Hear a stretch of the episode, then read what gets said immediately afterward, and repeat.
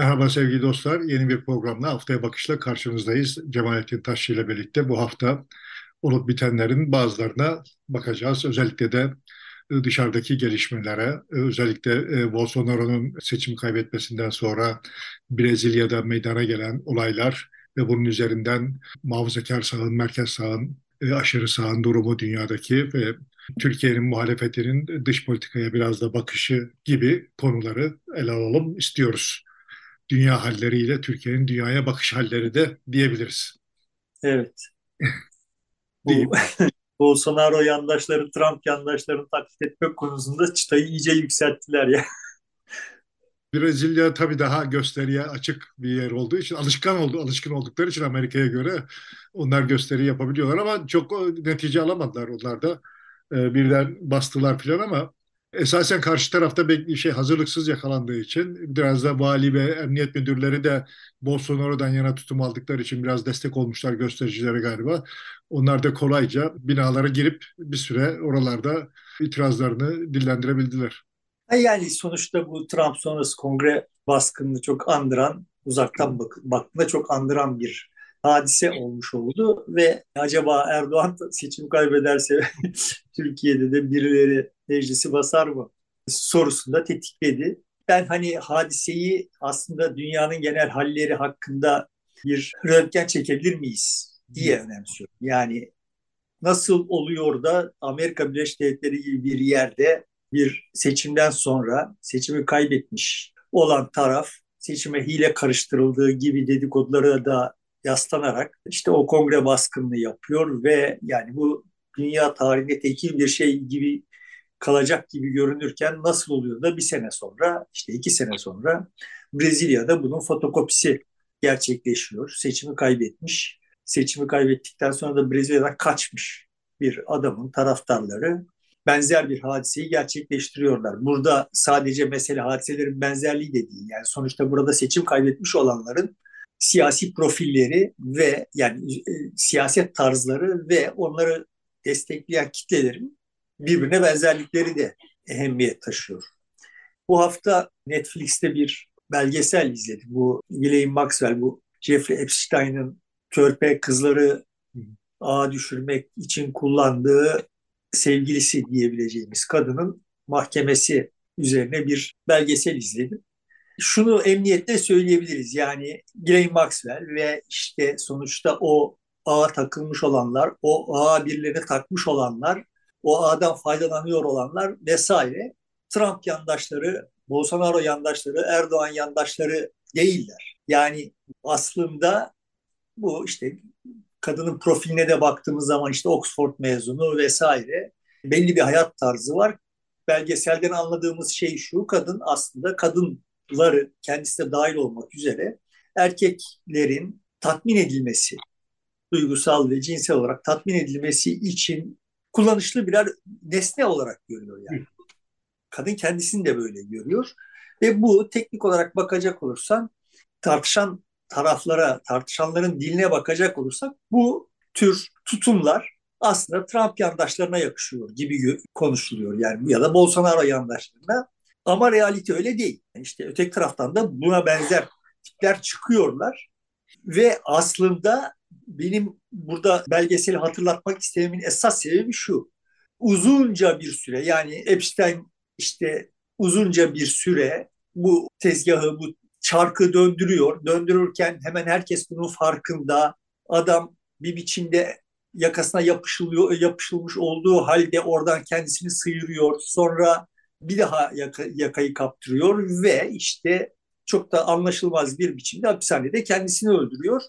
Bütün bu tezgahta bir adaletin gecikmişliği duygusu var kamuoyunda. Adaletin gecikmişliği duygusu var.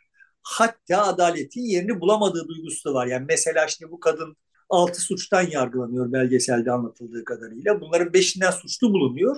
O suçların sadece birisi bile kadının 45 yıl hüküm giymesine sebep olabileceği söyleniyor belgeselin bir yerlerinde ama sonuçta kadın 20 yıl hüküm giyiyor yani. E, bir de bir hapishanede işte şüpheli intiharıyla da aslında olayın çok fazla yayılıp fazla başka yerlere ulaşmadan kapanması arzu edildiği şeklinde de bir kanaat var.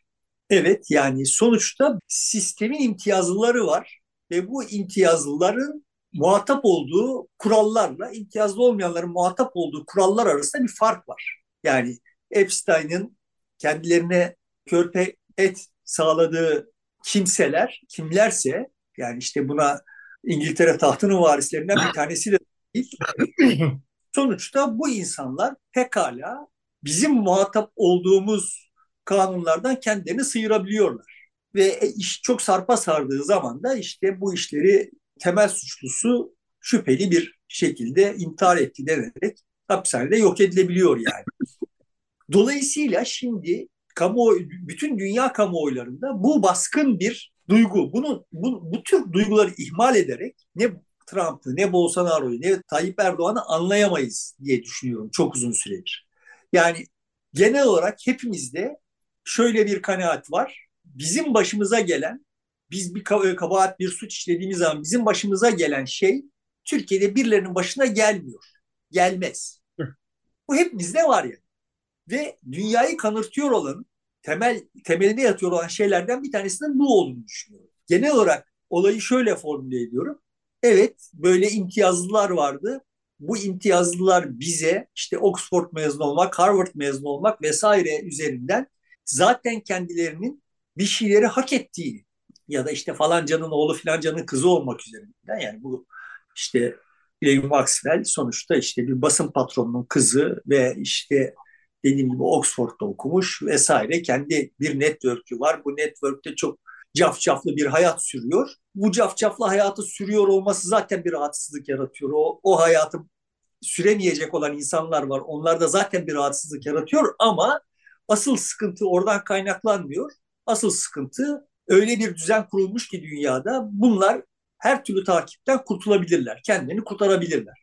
Yıllar boyu birikmiş olan böyle bir çaresizlik ve öfke vardı ve bir biçimde bu kesimler enerji kazandılar. Kazandıkları enerjinin sonucu olarak da sistemi tıkayacak siyasi hamleleri yapıyorlar diyorum. Yani benim şimdi genel iddiam bu. Ve orada böyle bu imtiyazlı kesimlerin imtiyazlarına itiraz etmeyen yani ya da bu imtiyazlı kesimlerin imtiyazlarına işte kapitalizm, neoliberalizm, iklim krizi vesaire filan falan gibi şeylerle itiraz ediyor görünen geniş okumuş kesimler var. Reel olarak aslında bu imtiyazlara, bu adaletsizliklere bir itirazları olmadığı.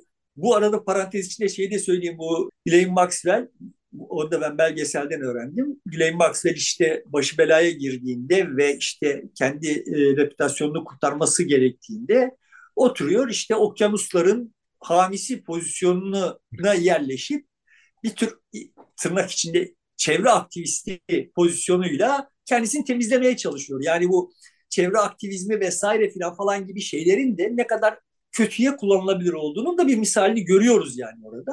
Buradan şunları demeye çalışmıyorum. Sonuçta çevre aktivizmi, çevre hakkındaki hassasiyetler falan falan kendi başlarına temiz ve işte son derece soylu şeyler olabilirler. Ama bunu kendi kontekstinden koparıp böyle sınıfsal bir hale getirdiğiniz zaman yani zaten sınıfsal olan bir mücadelenin ortasına kendi sınıfınızın bir hassasiyeti olarak bunu oturttuğunuz zaman işte yani o zaman birileri de bunu sizi manipüle etmek için, sizi yanına çekmek için pekala kullanabiliyor yani.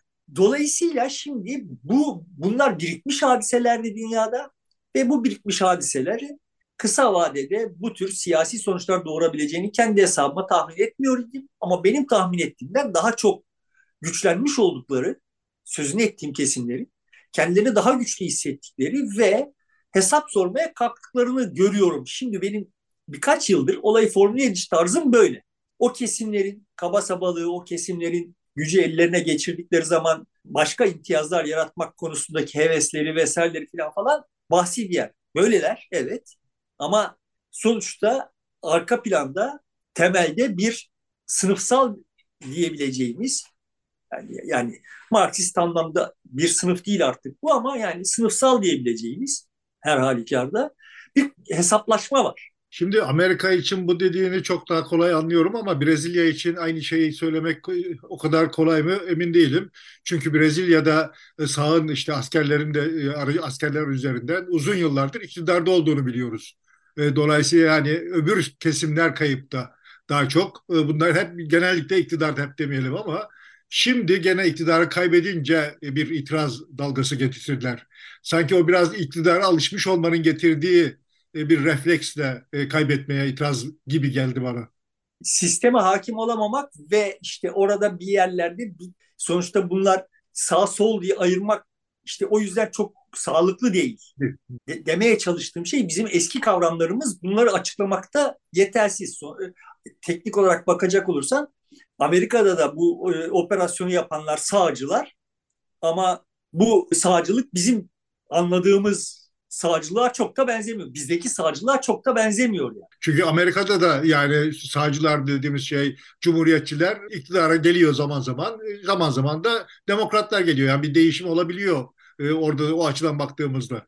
Hayır zaten sonuçta muhtemelen o Epstein'den istifade etmiş olanların çok büyük bir bölümü de zaten sağcı politikacılar, sağcı bürokratlar vesaireler. Yani mesele bu. Meseleyi buralardan çıkartmamız gerekiyor yani.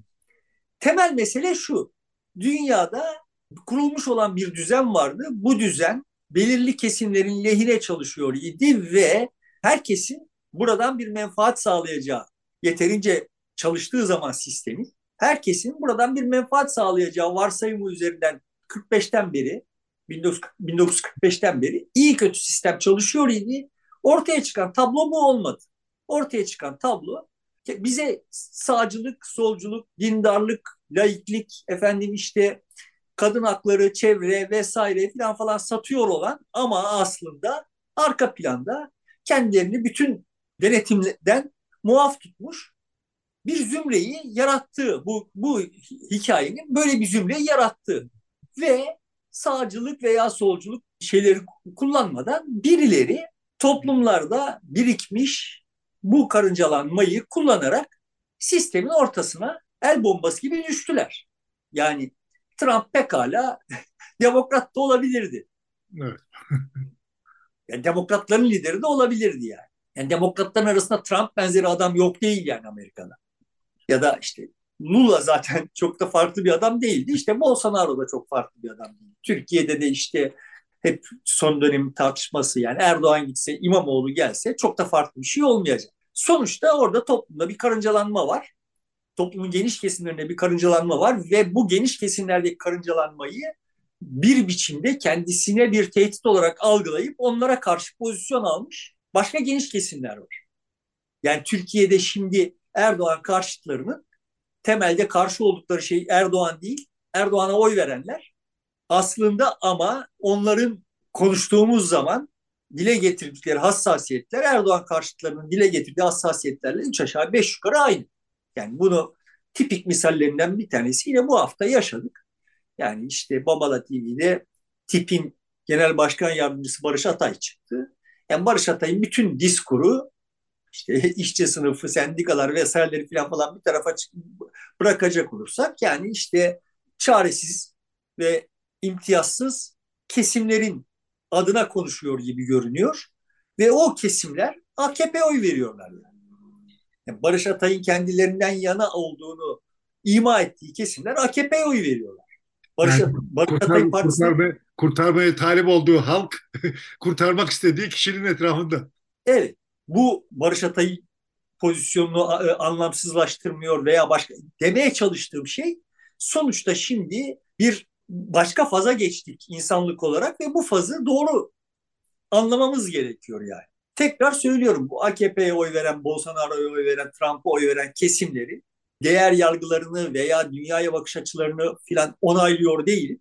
Ama öteki tarafta da dünyanın ne kadar bambaşka sebeplerle biçimsiz hale gelmiş olduğu bunu görmezden gelmeye çok teşne bir kalabalık birikti. Ve bu esas kavga bunların arasında dönüyor yani.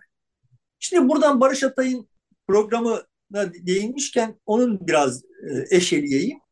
Yani bu Babala TV'de işte bilmem kaçıncı 8. program galiba oraya işte genel olarak anladığım kadarıyla misafir kim ise konuşmacı kim ise onun karşısında olanlar daha çok davet ediliyorlar.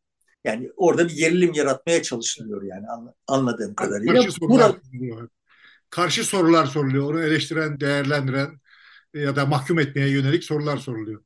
Genel olarak bu Hazirun bu sefer liberaller değildi. Yani şimdi normal olarak ne bekleriz? Sosyalist bir partinin, işçi partisinin temsilcisi gelmiş. Karşısında ona soru soracak olanların da liberaller olmasını bekleriz.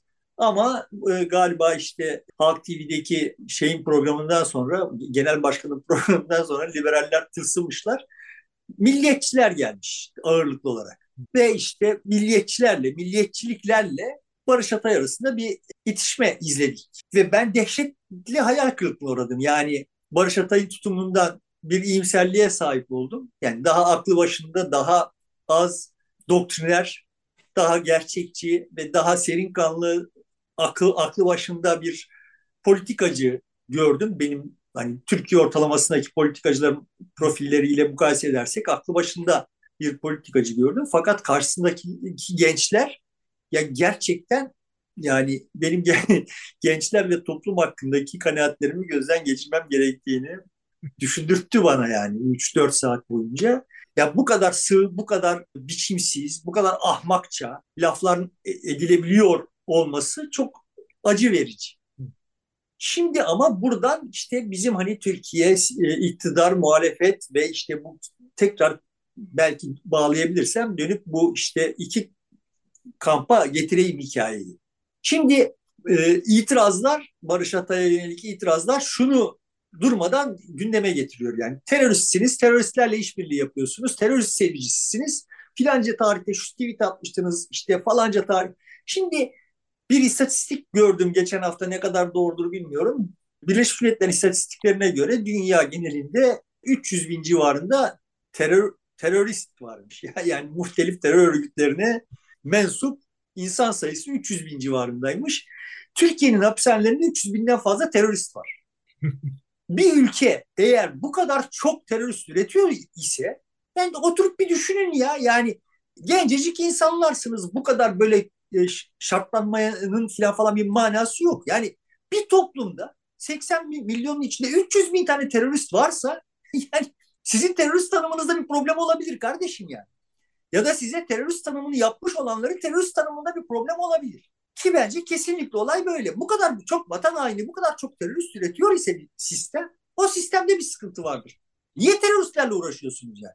Yani adam orada kibarca dili döndüğünce kendisinin nasıl terörist olarak yaftalandığını yani yolda yürürken bir polisle işte e, elektriklenmenin sonrasında şu kadar işkence gördüklerini anlatıyor orada birileri ağladılar falan. Ya bak kardeşim bu kadar kolay bu memlekette terörist olmak. Yarın sen terörist olacaksın yani. Şimdi böyle milliyetçi milliyetçi geziyorsun yarın Milliyetçi Hareket Partisi'ni terör örgütü olarak ilan edecekler ve sen terörist olacaksın.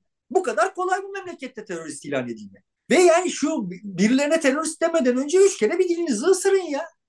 E şimdi o kadar kolay alışıldı ki meclisin zaten bir parti, üçüncü partisi e, terörist bir parti. İşte onu koruyan ve kollayan ikinci büyük partisi de terörist bir parti durumunda.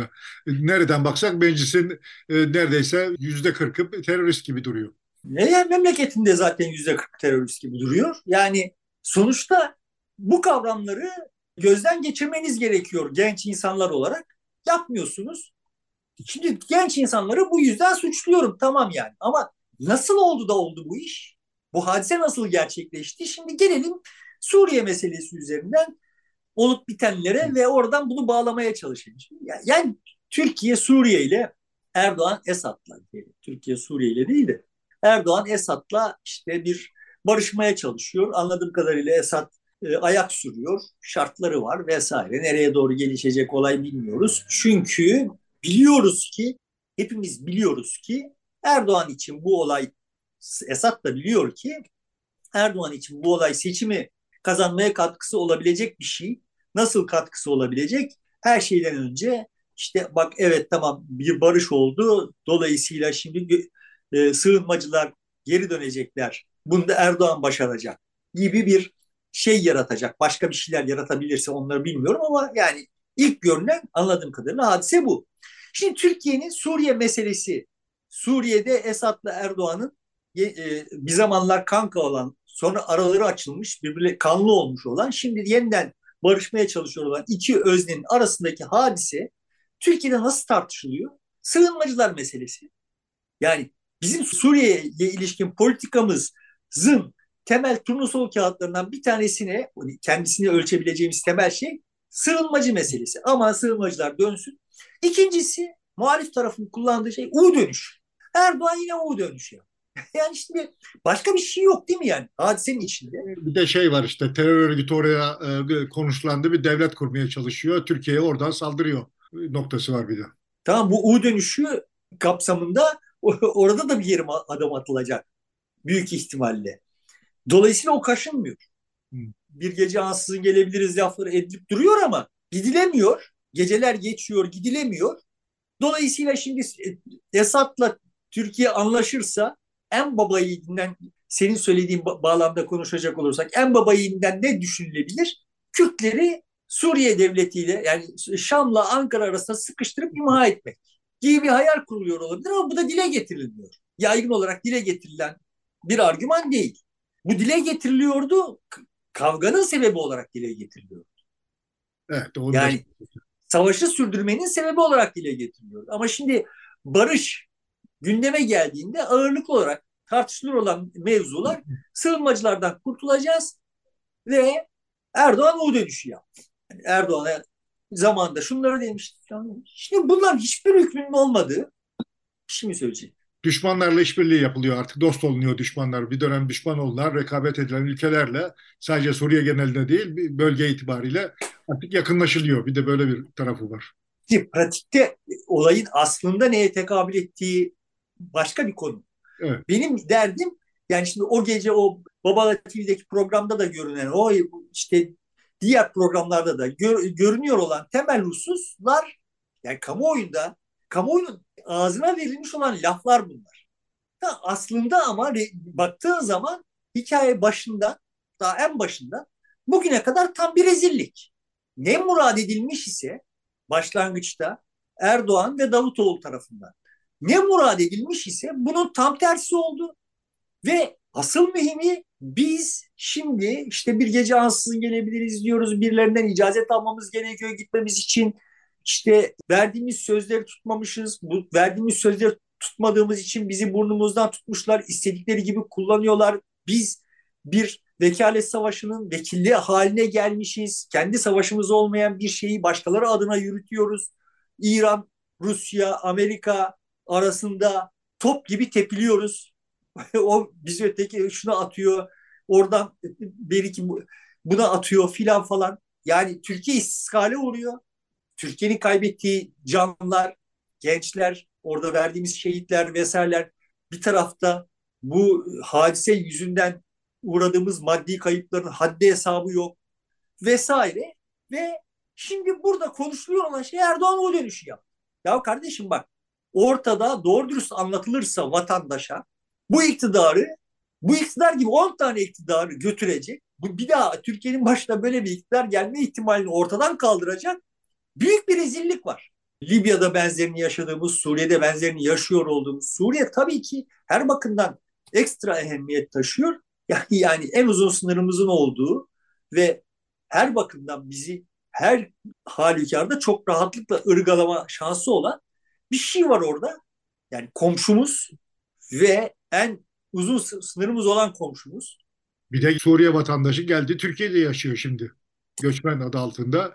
E, bu da e, hayli yüklü bir e, sayı. Yani 3 milyonun üzerinde bir rakam. Ve şimdi bunu Türkiye'ye pazarlamak için, buradaki rezilliği Türkiye'ye pazarlamak için iktidar bir tarihte formülasyon olarak senin demin dediğin şeyi icat etmiş. Orada bir Kürt koridorunun oluşmasına imkan vermeyeceğiz. Bu olay başlarken Suriye'de Esad'a karşı Kürtlerle işbirliği yapıyor olan Türkiye evet. yani Kürtleri eğitip donatıyor olan Amerika ile işbirliği halinde Kürtleri Suriye e, rejimine karşı bir tampon olarak kullanmaya kalkan Türkiye bir tarihte dönmüş ve kendi başına kendisinin sardığı yani iktidarın sardığı rezilliği örtebilmek için kamuoyuna karşı örtebilmek için orada bir Kürt koridoruna imkan vermemek gibi bir hikaye anlatmış. Şimdi anlaşılıyor ki yani o Barış Atay'ın programından falan da anlaşılıyor ki gençler bunu satın almışlar. Evet. Neden satın almışlar? Çünkü bu hikayenin alternatifi hiç anlatılmadı ki. Yani Bu hikayenin alternatifi olarak bize sunulan şey işte Suriye'nin toprak bütünlüğünden Esad'ın bilmem cartına curtuna kadar. Ya bak kardeşim burada haddini aşan, boyunu aşan işlere kalkışmış, ağzına yüzüne bulaştırmış ve bizi şu şu şu şu şu zararlara uğratmış bir iktidar var. Size ne Suriye'nin toprak bütünlüğüymüş, bilmem şuymuş buymuş. Yani bizi şimdi Putin Esad'la aynı masaya doğru itiyor. Kendi irademiz yok yani. Ya şimdi aslında bu bütün bu milliyetçilerin aslında tiksinti duyacağı bir hikaye. Ama şimdi milliyetçilerin tiksinti duyacağı hikayeyi iktidar burada Kürt koridoruna izin vermiyoruz diye Kürt düşmanlığı üzerinden paketliyor. Sen şimdi buna itiraz edemiyorsun. Neden itiraz edemiyorsun? Çünkü Kürt düşmanlığına karşı çıkamamışsın zamanında. Orada Kürtlerle, oranın Kürtlerine de sahip çıkmak gibi bir takım şeylere sahip çıkamamışsın muhalefet olarak.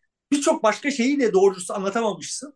Aksine ne yapmışsın? Bu konuda e, hükümet kendisini temize çıkartmak için abuk sabuk işler yaparken mecliste ona onay vermişsin. Tabii şimdi evet o gençler orada bir yığın terörist, burada bir yığın terörist falan falan görüyorlar. Çünkü bu iktidar kendi varlığını, kendi meşruiyetini bu teröristlerin yani böyle kitlelerin terörist ilan edilmesi ne yaslıyor.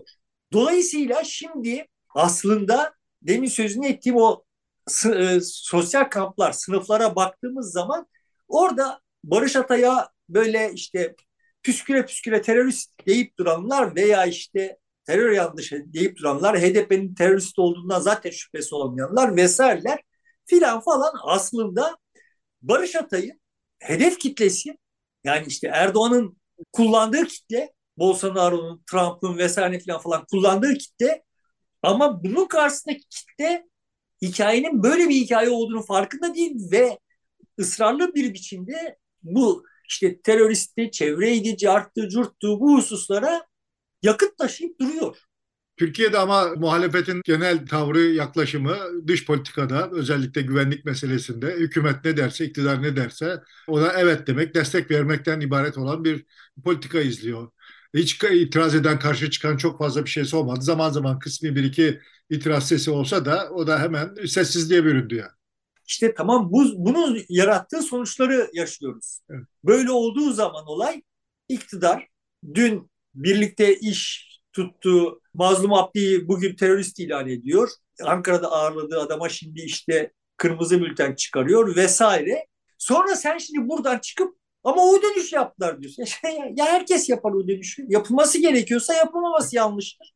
Mesele o dönüş yani kamuoyunun bu U dönüşü laflarından Erdoğan'a veya AKP'ye antipati meselesini beklemek yanlış bir şey. Demeye çalıştığım, tam da demeye çalıştığım şey işte orada o Trump karşıtlarının, Amerikan demokratlarının, Türkiye'de işte Erdoğan karşıtlarının, Brezilya'da Bolsonaro karşıtlarının aslında arka altta kaynıyor olan ne? Bunun farkına varmadan, bunu doğrusu tahlil etmeden, tahlil etmeye yanaşmadan. O kesimi kazanmaya yönelik herhangi bir planı yok ve o, o kesimin tırnak içinde işte böyle ahlak şeyi üzerinden teste tabi tutulması üzerinden kendisine tatmin yaratıyor. Vay bak orada o dönüşü yaptı, bu o dönüşüne ses etmediniz. Sizin zaten siz zaten ahlaken standartlarınız düşük yani. Böylece kendisini tatmin ediyor. Halbuki kendisinin ahlak standartları da çok yüksek değil. Ve bu iş ahlak meselesi değil. Evet. ha, şimdi temel meselemiz bu. Ama dikkatini çekmek istiyorum. Yani sonuçta olay dönüp dolaşıp Trumpçıların Trump karşıtlarına yönelik itirazları da Türkiye'de Erdoğan karşıtlarının pardon Trump karşıtlarının Trumpçılara, Erdoğan karşıtları, Erdoğancılara yönelik temel şeyleri bir ahlaki üstünlük, kendilerine bir ahlaki üstünlük vehmetmek. Ya bu iş ahlak meselesi değil kardeşim. Ahlakla da bir alakası yok yani. Hiç kimsenin ahlaki standartları yeterince yüksek değil. Sonuçta işte orada o kesimin içinden de Epstein'ler şunlar bunlar çıkıyorlar ve sen de işte e, fırsatçılıkta fırsatçılık yaparak bu e, hengame içinde ev kirasını dörde katlıyorsun. Derdimiz başka yani. Derdimiz çok daha derinde ve çok daha büyük bir derdimiz var. Bu kesimler öyle veya böyle artık bu enerjilerini kaybetmeyecekler ve kendilerini oyunun parçası olarak hissediyorlar. Bir oyunun bir parçası haline getirecekler. Dolayısıyla şimdi o kesimleri sahiplenmek, onların enerjilerini toplumun genelinin menfaatine akıtacak politikalar üretmek gerekiyor. Şimdi e, Erdoğan ve şürekası bir süredir işte yerli ve milli kavramını kullanıp duruyor her yerde filan. Yani sonuçta e, Suriye'nin kuzeyinde bir Kürt koridoruna mani olmak için gösterilen cansiperane mücadele e, milli midir? Yani işte Türkiye Cumhuriyeti'nin bölünmez bütünlüğü ülkesi ve milletiyle bölünmez bütünlüğü hikayesi vesaire falan falan bu kapsamda okuyacak olursa millidir ama yerli değil. Ya çünkü yerli olması için aynı zamanda ya oranın yerlisi Kürtler yani senin vatandaşın olan Kürtler ve veya Suriye vatandaşı olan Kürtler. Yani yerlilikle uzak yakın alakası yok. Tam tersine gayri yerli yani İran'ın, Rusya'nın, Amerika'nın menfaatlerine hizmet ediyor olan işler yapıyorsun. Bir süredir artık senin menfaatine hizmet etmeyeceği çok aşikar görünüyor. Böyle bakınca milli de değil. Ama tekrar söylüyorum şimdi burada bunun üzerinden bir muhalif patika üretilemedi. HDP'nin bunu üretme şansı belki vardı ama HDP'nin şeytanlaştırılmasına diğer muhalif aktörler sessiz kalınca böyle geniş kesimler Türkiye'nin yüzde kırkını terörist olarak etiketleyecek hale geldiler. Böyle yoğurdu yani Erdoğan bunları. Ve o kesimlerin ama bak zamanında bunlar Kürt açılımını da desteklemişlerdi. Şimdi burada Erdoğan dönünce bunlar da dönerler gibi hayaller kuruldu anladığım kadarıyla. Oyunun öyle olmadığı görüldüğü zaman da işte bir ahlak meselesine getirildi. Halbuki problem başka. Bu şimdi şey ya aklıma getirdi. O demin sözünü ettiğim Ghislaine Maxwell'in belgeselini izlerken yani şimdi bakıyorsun Türkiye'den de aşina olduğumuz, dünyanın her yerden aşina olduğumuz bir hikaye yani. Orada bir kanunsuz, aynı zaman sadece kanunsuz değil yani insanın içini acıtan bir tezgah dönüyor ve bu tezgahı çeviriyor olanlar şeye yakalanmıyorlar. Polise, yargıya yakalanmıyorlar yani. Biliyoruz değil mi? Böyle birçok şey oluyor. Türkiye'de de oluyor yani. Türkiye'de de muhtelif yerlerde muhtelif insanlar sen ben yapsam içeride çürümemize sebep olacak şeyleri yapıyorlar ve başlarına bir şey gelmiyor. Düşündüm yani kendi kendime. Mesela Birisi çıksa desek ya bak kardeşim böyle böyle kanunsuzluklar oluyor. Polis bunları yakalayamıyor. İşte polisin daha güçlendirilmesi gerekiyor. Teknolojik olarak daha güçlendirilmesi gerekiyor. Polise helikopter alalım dese şimdi çıksa bu şimdi bir mantıklı bir şey mi? Yani hadiseye yoğunlaşmadan bakacak olursak genel bir kavramlaştırma olarak bakacak olursak polis suçluları yakalayamıyor. Polisi güçlendirecek faaliyetler polisi güçlendirecek politikalar suçluların yakalanmasını destekleyeceği için bizim de desteklememiz gereken bir şeydir. O zaman polise helikopter alalım. O zaman polise şunu da alalım filan. Ama yani sonuçta burada mesele polis helikopter sahibi olmamasından kaynaklanmıyor. Yani şimdi böyle münasebetsiz şeyler tartışıyoruz. Benim temel derdim yani bu muhalefete niye bu kadar geçiriyorsun? E, muhalefete bu kadar geçiriyorum çünkü yani böyle bir münasebetsizlik var ortada. Ya Türkiye'nin bir bir sıkıntısı var. Burada ama polis helikopter almak gibi işler konuşuluyor. Tabii işte biraz önce de dediğimiz gibi hem dış politika konuşulmuyor hem de Türkiye'nin güvenlik politikası, terörle mücadelenin hangi yol ve yöntemle yapılacağı, e, neyin işe yarayıp neyin yaramadığı meselesi hiçbir zaman tartışılmadı bile. Yani böyle münasebetsiz ya, teorik olarak baktığın zaman evet yani şimdi polisin teknolojik olarak güçlendirilmesi suçluların yakalanmasına işe yarayacak bir şeydir. Tamam şimdi böyle teorik olarak makul görünüyor olan şeyler tartışılıyor. Ama burada problem polisin teknolojik olarak zayıf olmasından kaynaklanmıyor ki polis ve e, yargı mensupları satın alınmış olmasından kaynaklanıyor. Hatta polis çok güçlüyken mesela Ankara'nın göbeğinde işlenmiş olan e, Sinan Ateş cinayetinin arka planı çözülemedi. Çözülmek istenmiyor daha doğrusu. Ya tamam ne tam da bu misal yani de, demeye çalıştım şimdi burada bu Sinan Ateş cinayetinin arka plan yani Sinan Ateş cinayetinden mesul görünüyor olan birisini MHP'li bir vekilin koruyup kollaması ve işte yargının elinden alması, polisin elinden alması filan gibi bir hadise varken yani problem buradan kaynaklanıyor iken senin çıkıp da polisin teknolojisini tartışman kendi başına bir hadise olarak polisin teknolojisi doğru bir hadise olabilir. Tamam mı? Ama şu anda bizi kanatıyor olan şey o değil. Böyle bir münasebetsizlik var ya. Bu anlamda ben işte hani itirazlar da olmuş şeyin altında, e, videonun altında. Yani ben şimdi muhalefeti masayı eleştiriyorken bu, bu perspektiften eleştiriyorum. Hatta bu perspektiften bile eleştiriyorum. Yani benim perspektifim bu. Bunu söylüyorum.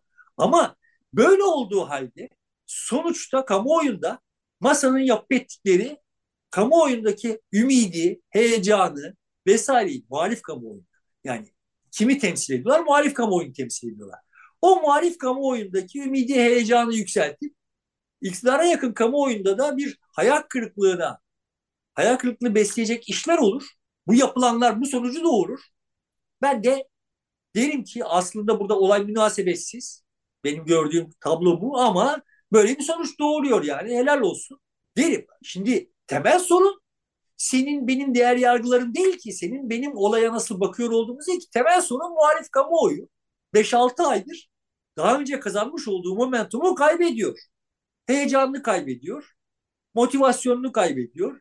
Sandığa gitmem diyenlerin o sayısı oranı artıyor ve kararsızlığın arasından muhalefete kayanların oranı düşüyor. Yani kamuoyu böyle davranıyor kardeşim yani şimdi kamuoyunun böyle olduğu durumda ama aslında polise de işte helikopter lazım değil mi? Yani altılı masanın konuştuğu şeylerin konuşulması lazım değil mi? Demenin bir manası yok. Konuşulsun. Konuşulması eğer muhalif kamuoyunu tatmin etmiyor ise beni tatmin etmemesi ayrı bir problem. Bunu işaret etmeye çalışıyorum. Evet. Muhalif kamuoyunu tatmin etmiyor ise ve ortadan çatlak sesler çıkmaya başlamış ise o zaman yani bunu yapanların yaptıklarını yapıyor olduklarını eleştirmek gerekir yani. Ama eleştirmeyin. Çünkü işte siz eleştirdiğiniz için böyle oluyor denmesi abes. E, e, bu eleştirilecek ve bu eleştiri testinden geçemiyor ise eğer muhalefetin yapıp ettikleri demek ki eksik ve yanlış. Yani eleştiride dediğinde zaten e, şunlar şöyle olabilir mi, şurası eksik, bunların üzerine niye gidilmiyorsun diyen son derece yumuşak ve yapıcı eleştiriler. Ya velev ki öyle olmasın yani temel problemimiz tekrar söylüyorum ya sen şimdi e, muhalif kamuoyuna mensup birisi olarak sen seni kastetmiyorum yani. Biz bir zatı muhterem muhalif kamuoyuna mensup birisi olarak eğer benim şunun bunun yaptığı bir muhalefet yüzünden eğer muhalefetin kan kaybediyor olduğunu düşünüyorsan zaten bir abeslik olduğunu bilmen gerekir. Yani benim Kılıçdaroğlu'yla veya Fener'le dengelenebilecek bir gücüm var mı? Herhangi birimizin var mı yani? Eğer onların yapıp ettikleri bu tür diyelim kötü niyetli ve amacılız muhalefetin testinden geçemiyor ise o zaman onların yapıp ettiklerinin gözden geçirilmesi gerekiyor demektir. Bizim söylediklerimizin vesairenin değil yani. Ama tekrar şeye dönelim. Bu seçim, önümüzdeki seçim aslında görünüyor ki yine Birleşik Devletler ve Brezilya seçimlerinde gösterdiği gibi bu alttan geliyor olan enerji, enerjisi yükselmiş olan kesimlerin kesimler ile yukarıda kalmaya çalışıyor olan kesimler arasındaki hesaplaşma olarak gerçekleşecek. Burada tekrar Barış Atay'ın programına falan dönecek olursak şimdi aslında bu hikayeyi böyle okuduğun zaman o aşağıdan gelen sosyal kesimleri kanalize edecek şekilde, onların enerjilerini kanalize edecek şekilde politikalar üretmek yerine dönüp dolaşıp işte bak kaç tane işçi var burada, şu kadar kaçınız sendikalı işte filan gibi şeylere döndüğün zaman olayın gerçekliğini ıskalamış oluyorsun. Neden neden sendikasızlar? Böyle orada neoliberal politikalar şunlar bunlar vesaireler filan falan yüzünden değil yani. Neden sendikasızlar? Çünkü Türkiye'de aslında istihdam teşvik ediliyor. Yani aslında lüzumu olmadığı kadar çok insan istihdam ediliyor. Burada bu yüzden de istihdam edilmiş olanların o istihdamı zorlaştıracak herhangi bir şey yapma lüksleri yok. Başka bir dünyada yaşıyoruz. Bu başka dünyada hepimiz mağduruz. Hepimizin mağdur olduğunu yani böyle işçi statüsünde olanları değil işçi bile olamayanları arkanıza alacak bir şeyler yapmanız, durumu böyle anlamanız gerekiyor yani. Bizi işçileştirerek problemleri çözebileceğinizi vehmediyorsunuz. Bu anlaşılıyor. İşçileştiremeyeceksiniz yani. Zaten artık herhalde önümüzdeki dönemin eğilimi işçileşme eğilimi değil. İşçilikten kurtulma, işçileşmeden ben kurtulma böyle. Ben böyle olduğunu iddia ediyorum. Bunun aksine iddia ediyor olanın aklı başında bir politika bir gerekçe göstermesi gerekiyor ve benim gördüğüm kadarıyla böyle bir bir çaba yok. Mevcut işçiler üzerinde mevcut işçilerin sendikalaşması üzerinden konuşuyoruz işte yine yani. Tamam. Ya bak kardeşim sendikasız mendikasız o mevcut işçilerin statüsüne erişebilmek için kolunu verecek milyonlarca insan var memlekette. Mesele buralarda. Burada mayalanıyor yani. Ve asıl sıkıntı sen güzelce söyledi yani Barış Atay. Anneniz babanız öyle veya böyle bir ev sahibi olabildi. Siz olamayacaksınız. Evet olamayacağız. Bu böyle neoliberalizmle, kapitalizmle falan falan açıklanacak bir şey değil. Veya benim sendikal olmamla açıklanabilecek bir şey. Beni sendikalı yaptığın zaman işçi sayısı düşecek. Yani işçiler sendikalaştığı zaman işçi sayısı düşecek. Zaten şu anda işsiz sayısı, işçi sayısını geçmiş durumda. Yani Türkiye'nin sanayisi böyle orada işte Epstein'ler bilmem neler üretecek kadar verimli ve işte üretken falan falan değil ki. Bin tane bambaşka problem iç içe geçmiş durumda. Senin sanayi sanayi değil. Çünkü devlet desteğiyle ayakta duruyor. Devlet desteğiyle ayakta durduğu için işte işçileri sendikalaştırdığın zaman batacak. Bana öneriniz ne yani şimdi? Burada bizim bambaşka bir problemimiz var. Ama olayı getirip işte sendikaya vesaireye neyse yani böyle klasik bildik 70 ezberlerine 70'lerin ezberlerine yasladığın zaman kitleler yani şöyle bakıyor yani ben, ben benim işim yok bunlar işi olanların ve bana yukarı işi olduğu için bana yukarıdan bakanların yanındalar. O halde şimdi bunların haddini bildirmek için Erdoğan'ın peşten gideyim. Yani Erdoğan'ı onayladığımdan değil. Erdoğan ne yaptığına da zaten bakmıyorum ki Erdoğan Kürt açılımı diyor arkasındayım. Kürtleri döveceğim diyor arkasındayım. Yani Erdoğan ne yaptı beni ilgilendirmiyor ki. Burada mesele Erdoğan bunları dövüyor. Benim halimden anlamayanları dövüyor yani. Tamam şimdi onlar yani dövdüğünde nereden anlıyoruz? Erdoğan aslında onları da dövmüyor da. Ama onlar Erdoğan lafını duyunca böyle e, raptiyenin üzerine oturmuş gibi zıplıyorlar. Bunlar zıplasın canına yandımının diye bakıyor ahali yani. Yoksa Erdoğan'ın bariz bir biçimde aslında o kitleleri giderek yoksullaştırdığı da görünüyor. E zaten dünün e, Erdoğan karşıtı olan e, medyacılarının bugün er, Erdoğan'ın yanı başında duruyor olmaları da pek çok şeyi gösteriyor zaten değiştiğini durumun. Evet yani sonuçta o kitlelerin menfaatine bir iş yapmıyor Erdoğan. Yani sadece ekonomik olarak değil yani politik olarak da yani sonuçta ananı al git dedikleri o kesim. İşte çocuğunu kaybetmiş bir anayı yuhalatırken aslında o kadın veya işte maden işçileri, hayatını kaybeden maden tekmeledikleri maden işçileri falan aslında o kesim yani. En alttakileri en alttakileri dövüp geliyor zaten yani Erdoğan. Ama sonuçta işte alt kesimlerde rahatsızlığa yol açıyor olan kesimlerin öfkesine sebep olan Erdoğan olduğu için Erdoğan peşte duruyor. Şimdi temelde benim itiraz ettiğim, benim benim tahlilim bu. Temelde söylemeye çalıştığım şey Bolsonaro'ydu, Trump'tı, Erdoğan'dı, Orman'dı vesaireler böyle ortaya çıktılar. Dolayısıyla şimdi bu kesimleri oyunun bir paydaşı yapacak ve bu yolla da herkesin nemalanacağı pastayı büyütecek ve bu imtiyazlı kesimlere de hesap sorabilecek bir devlet düzenine ihtiyaç var. Yani devletin dünyanın her yerinde görülüyor ki devletlerin temel vasıfları şu. Güçsüze karşı güçlü, güçlüye karşı güçsüz. Yani Epstein'e karşı güçsüz ama işte siyah çocuklara karşı güçlü bir Amerikan devleti. Yani onun boğazına basıp öldürebiliyor ama işte Epstein, Epstein'e karşı hiçbir şey yapamıyor yani. Bu hadisenin devletlerin bu hale gelmiş olmasını zaten hep bu haldeydiler de artık buna katlanılamayacak olduğunu gösteren kesimlerin enerjilerini herkesin menfaatine kullanılmasının formüllerini, yollarını bulmamız gerekiyor. Ve iddia ediyorum ki eğer o kesimler bu oyunun ortakları olurlarsa şimdiki kaba sabalıklarını, şimdiki böyle cihaletlerini vesaire falan da aşacaklardı. O çıkıp da böyle herkese terörist demekten, önlerine gelene terörist demekten veya işte Kürt döverek milli olmaya kalkmaktan filan vazgeçeceklerdir yani. Ama şu anda ellerinde başka bir şey yok ve bunlara anlatılan yegane hikaye bu. Yani bir tek ağızdan bir hikaye anlatılıyor. İşte Suriye kuzeyinde Türkiye'nin menfaatlerini korumak için 30 kilometre içeri girmemiz gerekir gibi bir hikaye anlatılıyor. Hikaye başlarken böyle değildi. Alakası yoktu yani. Hikaye başlarken tablo şöyleydi.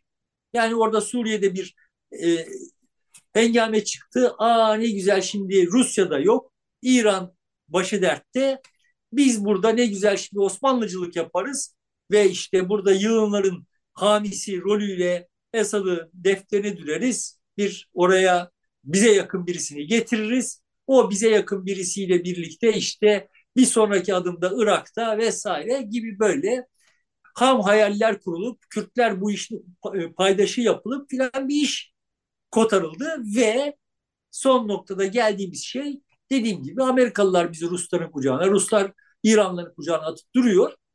Şimdi Rusya'dan icazet alıp Esad'la bir araya gelmeye çalışıyoruz ama İran hop ben olmadan olmaz diyor. Şimdi İran'ı nasıl kontrol edeceğiz? Oradan işte e, İran'ı kontrol etmeye kalkarsak ama işte İsrail ne diyecek bu hikayeye vesaire böyle herkesin ağzının içine bakmak zorundayız ve Türkiye hiç olmadığı kadar yani Türkiye'ye anlatılan masal neydi? Bak kardeşim bu monşerler bizim devlet olarak tarihten devreden gücümüzü hafife aldıkları için aslında olmaması gerektiği kadar çok alta yattılar ama biz işte filan diye başlandı e yani başına başımıza vuruldu. Evet yani bence de monşerler Türkiye'nin gücünü hafife alıyor idiler. Bizim gücümüzü olduğu kadar potansiyelimizi olduğu kadar realize edemedik. Tamam ama bu şu manaya gelmiyor yani. Sen Amerika ile Rusya ile aşık atacak kadar da gücün yok. Yani. Öyle bir ekonomin yok. Öyle bir ekonomin olmadan Rusya bir doğal kaynak zengini olarak bile sonuçta onca e, zenginliğine rağmen bile Suriye'deki oyunu sürdüremeyecek duruma düştü işte 10 yıl içinde yani. Senin etin ne budun ne sen başka başka hesapları yapması gereken bir şeysin. Sonra çıkıyorsun bana diyorsun ki e, yani tabii ki enflasyon olacak bir mermi karşılayabiliyor musun? Ya yakmayın kardeşim mermi. Mermi yakmadan problemleri çözmenin yolunu bulun yani. Yani eğer bir merminin bir, e, senin Suriye'de attığın bir mermi İstanbul'da benim süpermarketten aldığım malın fiyatını yükseltecek ise o zaman senin üstüne düşüyor olan o mermiyi atmadan benim menfaatlerimi, uluslararası menfaatlerimi koruyacak formülleri bulmam. Bu zekayı geliştirmen diye. Ama şimdi böyle bize zaten biz çok bilgiliyiz, akıllıyız. Bu topraklarda her şey bizden sorulur filan falan edasıyla koz taklandınız. Haddinizi aştınız ve siz haddinizi aştınız diye biz faturayı ödüyoruz yani. Bunu da anlatan, bu hikayeyi anlatan, bu anlatılması zor bir hikaye değil ve zaten kamuoyunda iktidarın kendisi bu hikayenin arka planını da malzemelerini de verdi. Ama bunu bir birleştirip bir politik haline getiren bir muhalefetimiz olmadı.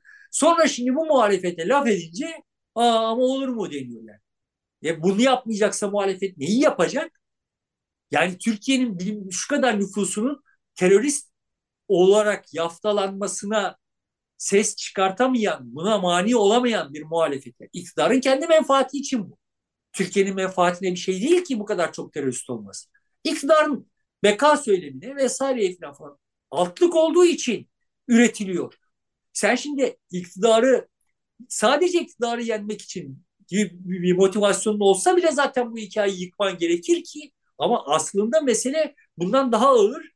Çünkü Türkiye kaybediyor buradan yani. Türkiye sosyal dokusunun ahengini kaybediyor. Ve bununla mücadele edemiyorsun, etmemişsin, edememişsin. Şimdi de etmiyorsun. Sonra da işte ama neden ben altılı masanın etrafında oturup şu kadar şu kadar çalışıyorum da bir sonuç çıkmıyor diye Sonuçta fatura yine çıkacak topluma. E öyle toplum her zaman fatura ödüyor. Kendisi harekete geçinceye kadar herhalde ödemeye devam edecek. Kendisi de son ana kadar da pek kolay kolay harekete geçmiyor bakalım. Toplum çok hareketli ya. Hareketli Toplum de işte yani sonucu alacak bizim gözümüze. Yoksa aşağıda büyük bir e, kıpraşma var. Hareket demeyelim ama kıpraşma var. E, muhtemelen bir şeyi dönüştürecek onu eyleme. Evet burada bitirelim istiyorsa. hay hay. Tamam. Sevgili dostlar çok teşekkür ediyoruz katkılarınız için, izlediğiniz için, beğendiğiniz için, destek olduğunuz için. E, görüşmek üzere. Hoşçakalın.